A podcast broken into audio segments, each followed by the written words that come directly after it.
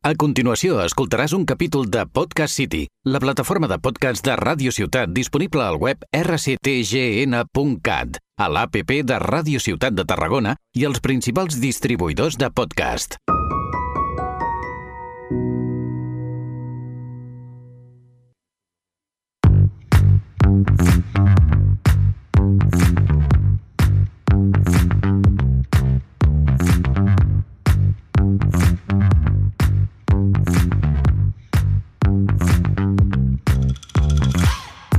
Buenos días, buenas tardes y por si no nos vemos luego, buenas noches.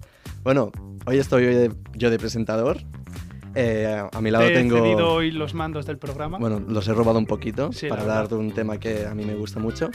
Y bueno... Me ha robado los mandos y me ha robado la temática. ¿De ah, qué vamos a hablar hoy, Jordi? Bueno, déjame presentarte, ¿no? Por ah, favor. también es verdad. bueno, a mi lado tengo a TJ Calvet, Oh, copresentador sí. de este programa, Entrada para Dos. Por favor. Hola, Jordi, ¿Cómo, encantado. ¿Cómo estás? Bien, creo ¿Cómo? que lo hemos hablado eso ya afuera. ¿no? ¿Cómo, ¿Cómo se siente desde la distancia? Bueno, no sé, me he cambiado de silla, tengo una perspectiva diferente. De la vida un poco también. Sí, ¿no? también. Bueno, hoy vamos a hablar de una cosa en el cine, un género a lo mejor un poco odiado por algunos y amado por otros, otros siendo yo, que es el, el cine musical, los musicales. O como llamarlos, tortura. ¿Cómo tortura? A ver, ¿por qué, ¿cuáles son, ¿por qué no te gustan los Nah, es musicales? broma, a mí sí que me gustan los musicales, depende de cuál. Y hoy, hoy vengo a hablar, para la gente que no le gusten los musicales, voy a intentar convencer por qué deberían mirar un musical y por qué Mamma Mía es una obra maestra dentro del mundo del musical. Y yo recomiendo que escuchéis por este programa con ganas porque el tema anterior que Jordi quería hacer era dedicar todo el programa a Taylor Swift, cosa que hemos evitado. Mira, no quería, Éxito. no quería nombrar a esta mujer, pero bueno. Éxito. Vale, para quien no haya visto Mamma Mía, es una peli que trata de una boda, ¿vale? Es una, la boda de Sophie, la cual eh, ha crecido en, la i- en una isla griega con su madre y nunca ha tenido la figura paternal. ¿Qué pasa? Leyendo un diario de su madre, ve que APA hace cálculos y ve que, No, Ava es la que escribe No, las Apa, Apa. el grupo. que esta, su madre, había hecho cositas eh, con tres hombres diferentes el mismo verano y luego haciendo cálculos pues había visto que alguno de estos tres era su padre. ¿Y ella qué hace? Lo lógico.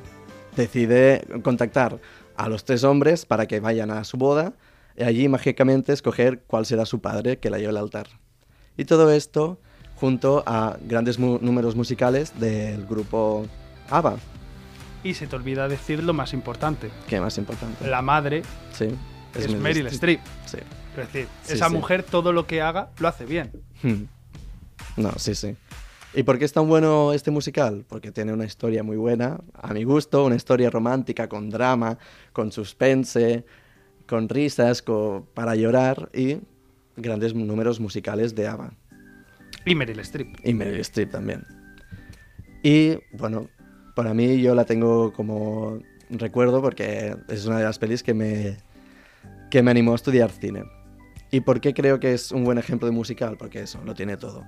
Y también porque no es una adaptación de un teatro musical, que es allí donde normalmente los directores suelen pecar y hacer... mm, Barbarias. Sí. Por ejemplo, un ejemplo muy claro es una peli que a ti te gusta mucho. En un barrio de Nueva York es horrible. In the Heights es eh, una adaptación de Lil Manuel Miranda, que también es un director que normalmente, normalmente trabaja en, en musicales de teatro. Que y lo la que peli hizo- es infumable. Sí, lo que pasa con esta peli es que cada dos frases cantan. No, no, no, no te llegan ni a decir las dos frases. No paran de cantar durante toda la peli. ¿Qué dices? Era un musical, lo debías ver venir. Hombre, sí, No. pero es eso, si vas a ver un musical, después no te, no te quejes de que están todo el rato cantando. Pero mira, al menos Mamma Mía Hmm. tiene una historia. Hablan a veces. A veces Sí. cantan, a veces hablan. Hay una dualidad, hay, hay Ah, un aquí. juego, hay un Ah, aquí. equilibrio. Esa peli es. No hay momento, no hay parón. Ya, ya, ya. Por eso, que está muy bien hecha, ¿eh? Lil Manuel, si me estás mirando desde aquí, enhorabuena, está muy bien hecha, pero... Sí, mm, Luis- va a por favor, por favor. Hombre, es uno de nuestros tres espectadores, es Lil Manuel Miranda. Por favor, deja respirar. También otros grandes musicales, eh, el que se estrenó, bueno, ya hace cuatro años o más, La La Land. El mejor musical. Una, es una película, bueno, seguramente habéis escuchado oír de ella, pero que eh, recuperó el ánimo de hacer películas musicales, porque veníamos de una racha que no salían películas tan, tan grandes así musical, con tanta repercusión, y Damien Chazelle se llama, no me acuerdo, no sé No si pronuncia bien su nombre, saca de La Babylon, Land, sí, saca La La Land, Y una obra maestra, sí. Whiplash, perdón. ¿Qué pasa? La gente ve eso y decide hacer más musicales. Pero, y ahora no sé qué está pasando en el mundo del cine, que un montón de directores están decidiendo hacer em, pelis musicales que se basan en artistas. Empezaron con Bohemian, Bohemian Rhapsody, sobre la vida de... Pero eso creo que fue antes de La La Land, no me lo estoy inventando. Diría que más o menos por... O sea, sé que La La Land fue la que lanzó eh, que se volviera a venir de moda los musicales. Llevó los musicales a los Oscars. Sí. Que no ganó la mejor película. Ganó dos segundos. Bueno, dos segundos, pero... Eh, mejor película, La La Land. De allí- Ay, no, no era esa. De allí surgió Babylon. En ese preciso momento se creó Babylon. Que peliculón, por favor, si... Ir al cine. A mí me ha recuperado las ganas de, de ver cine, la verdad. Bueno, pues eso, lo que decía. Los biopics de gente musicales con Bohemian Rhapsody estaba muy bien. No. Ahora, bueno, a mí me gustó. Bohemian Rhapsody la odié. ¿Sí? Me pareció, perdóname el hater, me pareció también infumable. Mil veces mejor fue Rocketman. Es Sí. del mismo director y fue mil veces mejor.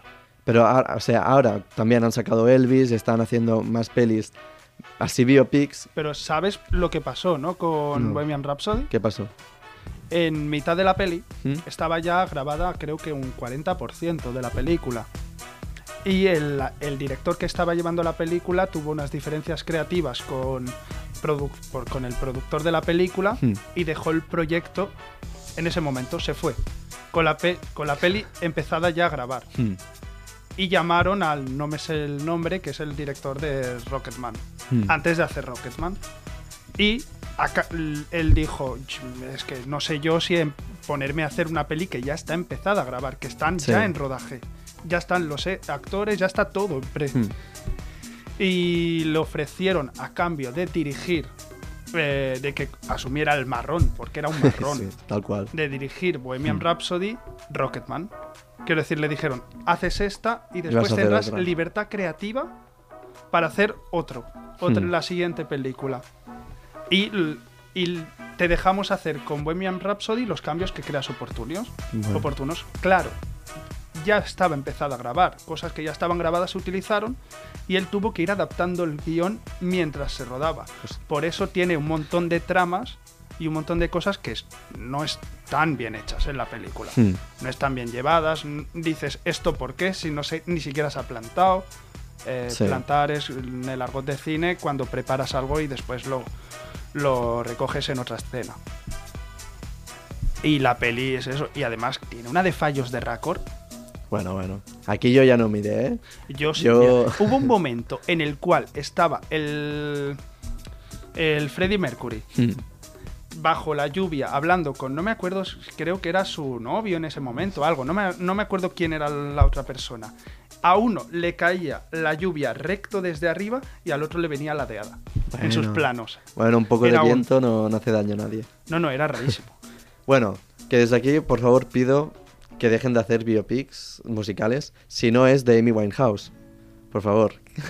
si no, lo, lo voy a dirigir yo. Bueno, si quieres empezarte a, a- Uy, estoy gritando mucho. Si quieres empezar a, a entrar en el mundo del musical, recomiendo Mamma Mía, pero también pelis como Hairspray, Gris, que son los clásicos. Y se te olvida una muy buena, ¿Cuál? High School Musical. Bueno, a ver. Bueno, es que claro, todas las pelis Disney clásicas se consideran musicales.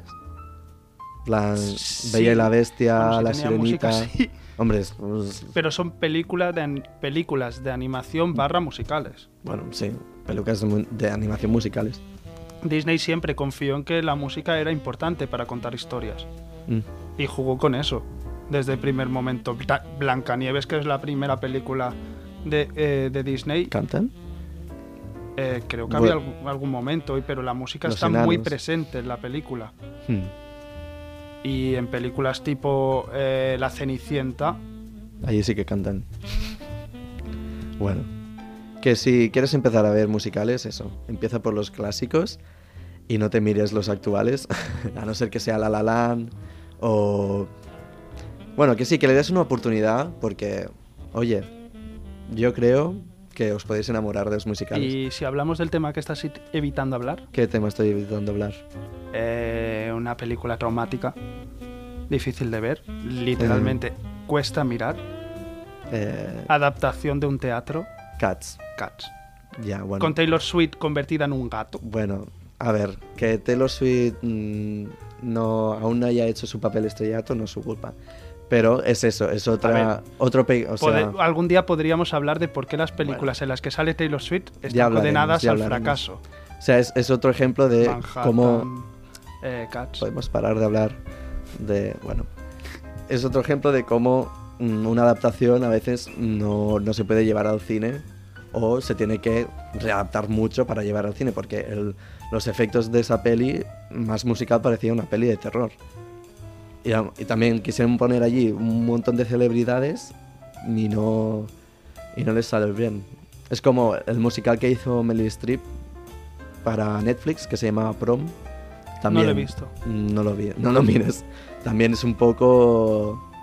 Bueno, Mm. Into the Woods también es un rollo así. Es un No. montón de celebridades haciendo un musical, pero en ese caso a the- mí es- la peli me gustó. Sí, te iba a decir, esta es buena y A mí esa peli me gustó. Te iba a decir. Que es difícil que yo diga. Y bueno, traigo una exclusiva para la gente que no lo sepa.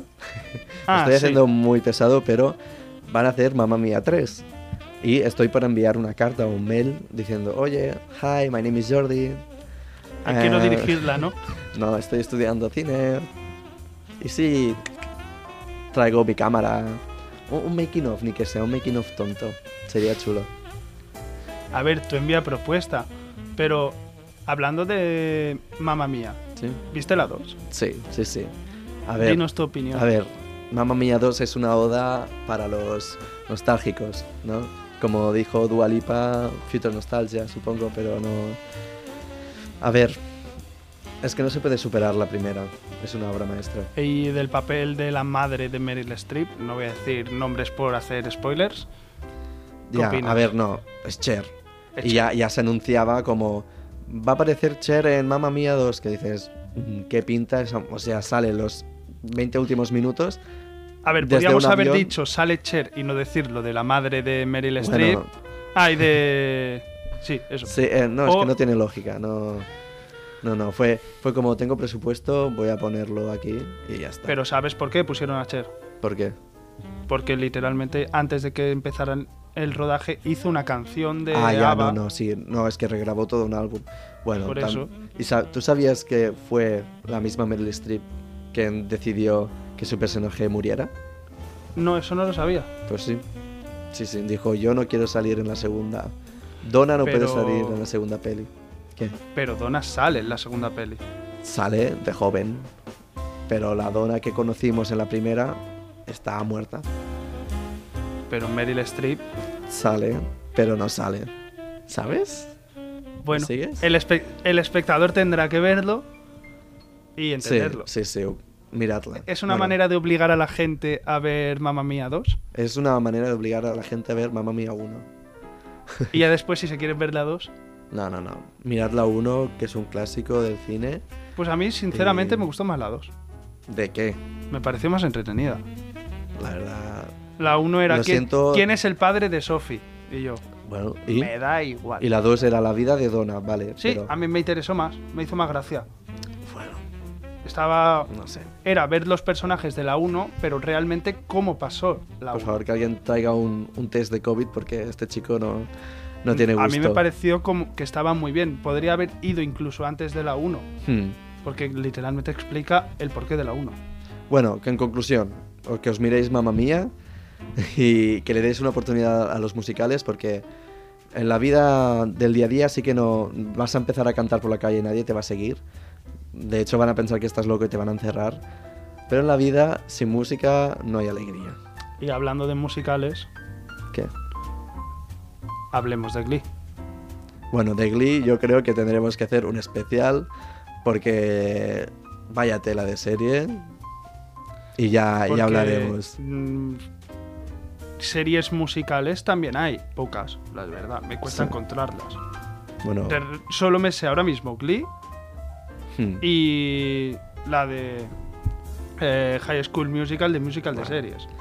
Con Glee- Olivia Rodrigo, sí, ojo. Ojo. Bueno, yo para mí Glee es un amor-odio, más que amor que odio, pero bueno. Quiero, quiero hacer un especial Glee, si me lo permites.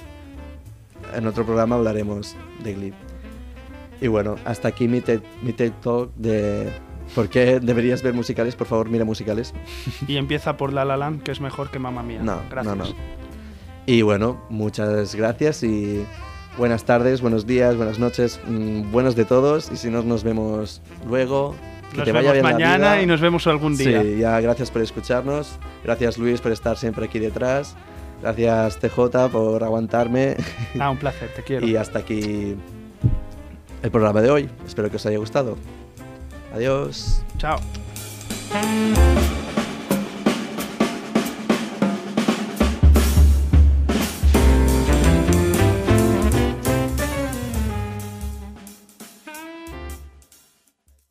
Has escoltat un capítol de Podcast City, la plataforma de podcast de Ràdio Ciutat disponible al web rctgn.cat, a l'APP de Ràdio Ciutat de Tarragona i els principals distribuïdors de podcast.